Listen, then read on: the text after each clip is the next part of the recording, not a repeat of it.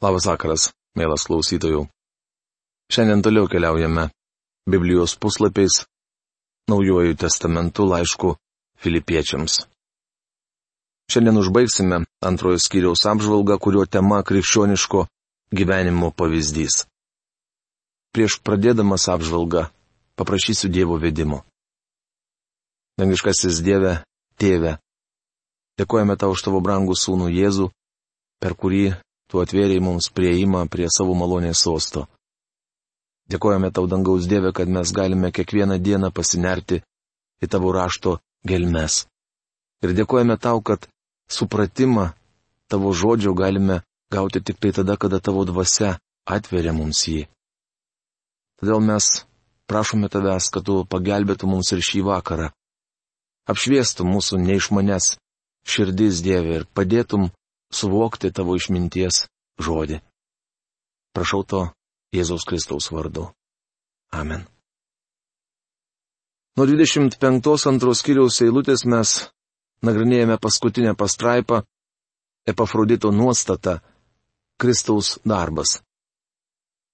Kristaus nuostata vadovavusi ir Filipų bažnyčios pastorius Epafroditas. Jis draugė su Pauliumi ir Timotiejumi tarnavo viešpačiui. Aš dar nusprendžiau, jog būtina pasiūsti pas jūs Epafroditą, mano brolį, bendradarbį ir bendražygį, o jūsų pasiuntinį ir pagalbininką mano varguose. Filipiečiams laiško antros skyriaus 25 eilutė. Nors Paulius buvo Filipų bažnyčios steigėjas, tačiau Epafroditas jam nepavydėjo apaštalas mylėjo šį vyrą, nes jis buvo Kristaus nusistatymo ir Paulius galėjo juo pasitikėti. Jis apibūdina Epafroditą kaip savo brolį, bendradarbį ir bendražygį. Kitaip tariant, Paulius sako, jog Epafroditas yra jo ginklo draugas, kuris nesuvaro peilio į nugarą. Bet to jis nesusidėdavo su Pauliaus priešais, bet petys į petį su juo kovojo už tikėjimą. Filipų bažnyčios pastorius suteikė praktinę pagalbą grandinėmis surakintam Pauliui. Todėl apaštalas apie jį rašo jūsų pasiuntinį ir pagalbininką mano varguose. Jis labai jūsų pasilgo ir sielojosi, kad išgirdote apie jo lygą. Filipiečiams laiško antros skyriaus 26 eilutė. Tai beveik humoristinė situacija. Epafroditas sunegalavo ir Filipų bažnyčiai buvo pranešta, jog jų pastorių serga. Epafroditas ilgėjosi savo brolių ir sesių, bet to tikriausiai ilgėjosi ir namų. Išgirdęs, kad jo vadovaujama bažnyčia Filipuose liūdi dėl jo lygos, šis vyras atkrito. Mat ėmė sielvartauti dėl to, kad filipiečiai sielojosi, išgirdę apie jo lygą. Tai tarsi užburtas ratas. Tačiau matome, kad Filipų bažnyčia ir jos pastorius siejo nuostabus ryšiai. Kadangi man tenka renkti daug konferencijų, pastebėjau, kad apie bažnyčią galima spręsti iš jos narių ir Dievo žodį pamokslaujančio pastoriaus santykių. Jei diakonas pasivedęs mane į šalį sako, daktarė Magi, mes turime nuostabų jauną pastorių, kuris uoliai skelbia Dievo žodį. Mano širdis džiūgauja. Tačiau kartais diakonas klausia, klausykit, kaip mums atsikratyti savo pastoriaus. Jis pernelyg užsispyręs, dogmatiškas ir nori viską kontroliuoti. Tuomet aš klausiu, ar jis skelbia Dievo žodį, ar moko Biblijos tiesų. Jei diakonas atsako, taip, bet tai daro visi, galiu suprasti, jog jam visai nerūpi Dievo žodis. Jei toks pat nusistatymas vyrauja visoje bažnyčioje, į pasmerktą. Atmesdamos Biblijos tiesas skelbiančius pamokslininkus, bažnyčios pačios savo kasą duobę. Matote, velnės labai gudrus. Akivaizdu, kad jis puola ne Dievo žodį, bet jį skelbiančius žmonės. Taigi apie bažnyčią galima spręsti iš jos narių santykio su savo pastoriumi. Filipų bažnyčia labai mylėjo Epafroditą ir tai šitą apie ją pasako. O jis buvo arti mirties, tačiau Dievas jo pasigailėjo ir ne vien tik jo, bet ir manęs, kad manęs neužgriūtų sielvartas po sielvarto. Filipiečiams laiško antros skyriaus 27 eilutė. Leiskite atkreipti jūsų dėmesį į tai, kas galbūt ir liktų nepastebėta. Šiandien daugelis nuo širdžių tikinčiųjų laikosi nuostatos, kad krikščionys neturi sirgti. Jie teigia, kad te reikia pasitikėti Dievu ir jis bematant išgydys. Tuomet įdomu, kodėl Paulius neišgydė Epafrodito? Šis vyras taip sunkiai sirgo, kad vos nenumirė. Matote, Paulius bei kiti apaštalai buvo apdovanoti ženklų dovanomis, nes tuo metu dar nebuvo užrašyta nei dalies Naujojo testamento. Kai Paulius pradėjo skelbti Evangeliją, jis pats parašė antrąją Naujojo testamento knygą. Kaip šis vyras galėjo parodyti savo autoritetą, neždamas gerąją naujieną nepažįstamiems žmonėms. Vienintelis jo autoritetas buvo ženklų dovanos. Tarp jų ir gydimų dovana. Tačiau apaštalas rašė Filipų tikintiesiems, kad jo tarnavimas jau artėja prie pabaigos. Kaip prisimenate, jis pats turėjo dyglį kūnę, kurio viešpats Jėzus nuo jo netitolino, o tik davė malonės pakesti. Bet to prisiminkite, jog apaštalo pagalbininkas Timotiejus turėjo skrandžio bėdų. Jei Paulius buvo tikėjimo gydytojas, kodėl Timotiejaus neišgydė? Užuot tai padaręs, patarė jam retkarčiais išgerti vyno. Maža to antro laiško Timotiejui ketvirtos skyriaus dvidešimtoje eilutėje jis rašo, jog paliko milete trofimą sergantį. Taigi, kodėl apaštalas neišgydė trofimo? O štai dabar Paulius rašo, kad jo aplankyti atvykęs pamokslininkas Epafroditas taip sunegalavo, jog vos liko gyvas. Tačiau Filipų bažnyčios pastorius išgyjo, o Paulius visą garbę atiduoda Dievui. Jis sako, kad Dievas pasigailėjo Epafrodito. Žinoma, Paulius ir ne tik jis vienas dėl to meldėsi ir Dievas išklausė šias maldas. Kodėl apaštalas nepasinaudojo išgydymų dovana? Todėl, kad tuo metu dar prieš išnykstant apaštalams, išskirtinės teisės vėl grįžo didžiajam gydytojui. Matote, šiame laiške akcentuojamas Kristaus nusistatymas, kuris, kaip jau minėjome, yra nuolankumas. Jei būčiau tikėjimo gydytojas, būčiau žinomas ir liaupsinamas. Tačiau ne aš, Bet viešpats Jėzus yra didysis gydytojas. Kai gydytojai konstatavo, jog aš sergu vėžiu, pradėjo plūsti laiškai, kuriuose žmonės siūlė apsilankyti vieno ar kito šarlatano susirinkimuose. Bičiuli, aš nesikreipiau nei vieną iš jų. Atidaviau savo lygos istoriją geriausiam onkologinių lygų specialistui, didžiajam gydytojui. Apsilankiau pas jį ir pasakiau, jog noriu gyventi todėl jam ir atiteko visi nuopelnai už tai, kas su manimi atsitiko. Taigi matome, kad baigdamas savo tarnavimą Paulius visiškai neakcentuoja išgydymo. Jo bičiulis serga, bet apaštalas nenaudoja išgydymų dovanos. Kodėl? Todėl, kad Paulius gražina prerogatyvas tam, kam jos priklauso - viešpačiui Jėzui Kristui. Toliau paštalas Paulius rašo, kad siunčia Epafroditą atgal į Filipus. Taigi aš jį skubiai siunčiu, kad jį pamatę pradžiugtumėte ir aš taip neliūdėčiau. Filipiečiams laiško antros kiriaus 28 eilutė. Paulius nori, kad filipiečiai džiugautų, o neliūdėtų. Šios eilutės žodžiai ir kad aš taip neliūdėčiau, tik patvirtina, kad jis jaudinosi dėl Filipų tikinčiųjų. Jie, kaip jau minėta, užuot džiūgavę, sielvartavo dėl savo pastoriaus. Priimkite į viešpatyje su tikru džiaugsmu ir gerbkite tokius žmonės. Filipiečiams laiško antros skyriaus 29 eilutė. Apaštalas Paulius šiam pamokslininkui iš Filipų buvo labai malonus. Jis sako, kad tokius žmonės kaip Epafroditas reikia gerbti ir mylėti. Bičiuli, mes taip pat privalome gerbti tuos, kurie moko Dievo žodžio. Jei žmogus turi mokymo dovaną, kurią naudoja Dievas, turėtume gerbti ir patį žmogų, ir jo dovaną. Mums reikia sutelkti dėmesį į Dievo žodį. Aš daugiau nebedalyvauju suvažiavimuose ar seminaruose, kuriuose pabrėžiamos jaunus bei pagyvenusius žmonės varginančios bėdos ir siūlomi įvairūs sprendimo būdai. Bičiuli, bėda ta, kad mes negryžtame prie Dievo žodžio. Jame apreikštas Kristus ir atsiskleidžia Kristaus nusistatymas nes dėl Kristaus darbo jis buvo atsidūręs prie mirties, statydamas pavojun savo gyvybę, kad atliktų man patarnavimą, kurio jūs negalėjote padaryti. Filipiečiams laiško antros kiriaus 30 eilutė.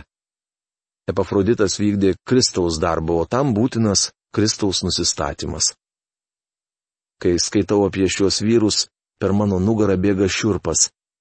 Visą tai vyko pirmame amžiuje, Ciesoriaus Augusto valdomoje Romos imperijoje, kuri buvo pati galingiausia valstybė visame pasaulyje.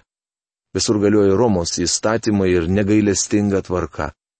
Anomis dienomis niekas negalėjo pasipriešinti Romai. Bet štai pasirodo pagyvenęs žmogus vardu Paulius ir su keliais bendražygiais įma skelbti, jog visatos Dievas atpirkė žmoniją ant romėnų kryžiaus, parodė jai gailestingumą. Išgirdę tai daugelis grežiasi į viešpatį Jėzų. Dažnai įsivaizduoju, kaip apaštalas Paulius, surakintas su Romos kareiviu, liudyja Kristų ir džiūgauja viešpatyje. Tokiomis aplinkybėmis taip elgtis gali tik tas žmogus, kuriam būdingas Kristaus nusistatymas. Dažnai galvoju ir apie jauną vyrą Timotiejų, vaikščiojantį pagoniško miesto gatvėmis. Sakote, kad negalite gyventi Kristui, nes aplinkui klesti bedievystė ir amoralumas? Tuomet Timotiejus jums bus geras pavyzdys, nes jis gyveno laikydamasis Kristaus nusistatymu. Šiame laiške minimas ištikimas Filipų bažnyčios pastorius Epafroditas. Priminsiu, kad Filipai buvo Makedonijos miestas. Stotis viename pagrindinių Romos imperijos kelių, jungiančių rytus su vakarais. Suprantama, kad ten klestėjo pagonybė ir stabmelystė. Taigi, Epafroditas taip pat laikėsi Kristaus nusistatymo. Galiausiai žvelgiu į save ir sakau, liaukis teisintis. Jei tie vyrai galėjo turėti Kristaus nusistatymą pirmame amžiuje, galime ir mes, gyvenantis 21 amžiuje. Tačiau Kristaus nusistatymo mes neišsiugdysime mėgdžiodami Paulių ar Kristų. Kai atsiduodame viešpačiui, jį mums suteikia Dievo dvasia. Turime pripažinti, kad šiandien mums visiems trūksta Kristaus nusistatymų. Filipiečiams laiško trečias skyrius. Tema - krikščioniško gyvenimo apdovanojimas. Pirmame laiško filipiečiams skyriuje paštalas Paulius dėsto krikščioniško gyvenimo filosofiją. Šios filosofijos esmės išreiškia žodžiais Man gyvenimas tai Kristus, o mirtis tik laimėjimas. Skaitydami antrą šio laiško skyrių, aptarėme krikščioniško gyvenimo pavyzdį. Apaštalo žodžiais tariant, krikščionims svarbiausia būti tokio nusistatymo kaip Kristus Jėzus. Trečiame laiško skyriuje Paulius drąsina filipiečius ir rašo apie atlygį. Manau, kad svarbiausia šios skyriaus mintis išreikšta apaštalo asmeniniu liudijimu. Aš veržiuosi pirmin į tikslą, siekiu laimikio aukštybėse, prie kurio Dievas kviečia Kristuje Jėzuje. Taigi toliau keliaudami laiško filipiečiams puslapiais kalbėsime apie naują Pauliaus požiūrį, tikslą ir viltį. Jis tikėjo, jog Dievas įsteigs šioje žemėje karalystę ir šiuo klausimu savo nusistatymo nepakeitė. Tačiau apaštalas taip pat žinojo, kad tikintieji ir žydai ir pagonys Kristuje turi nuostabę viltį. Todėl jie gali laukti dienos, kai Kristus sugrįž pasimti iš šio pasaulio savųjų. Naujas Pauliaus požiūris. O šiaip jau, mano broliai, džiaukitės viešpatyje. Man rašyti vis tą patį nesunku, o jums tai pastiprinimas. Filipiečiams laiško trečios skyriaus pirmą eilutę. Kaip Paulius rašo, o šiaip jau galime pamanyti, kad jis ruošiasi baigti. Manau, jis ketino Filipų tikintiesiems pasiūsti trumpą padėkos laiškelį. Tačiau šis laiškas dar tik įpusėtas. Matyt, Dievo dvasia paragino apaštalą rašyti toliau. Neseniai žmona man priminė, jog vienoje konferencijoje stovėdamas už sakyklos aš pasakiau, baigdamas pridursiu štai ką. Ištaręs šią frazę kalbėjau dar beveik 15 minučių. Jis sakė, jog tai visai nebuvo pabaiga. Paaiškinau žmonai, jog taip elgėsi ir Paulius. Paskutinis jo paraginimas turėjo būti džiaukitės viešpatyje. Manau, ir šiandien jis pasakytų tą patį. Skaitydami antrą šio laiško skyrių kalbėjome apie tris Kristaus nusistatymų žmonės - Paulių, Timotiejų ir Epafroditą. Jie galėjo džiaugtis net sirgdami ir būdami kalėjime. Ne tik šitie vyrai, bet ir kiti pirmieji krikščionys džiaugtis mokėjo net kesdami persekiojimus. Apaštalas Paulius teigia, jog rašyti šį laišką jam visai nesunku, jo širdies neslėgė našta kaip rašant galatams ar kurintiečiams. Filipiečiai džiugino apaštalą, todėl jis norėjo, kad ir jie džiaugtųsi. Atkreipkite dėmesį, jog Paulius įsako, džiaukitės viešpatie.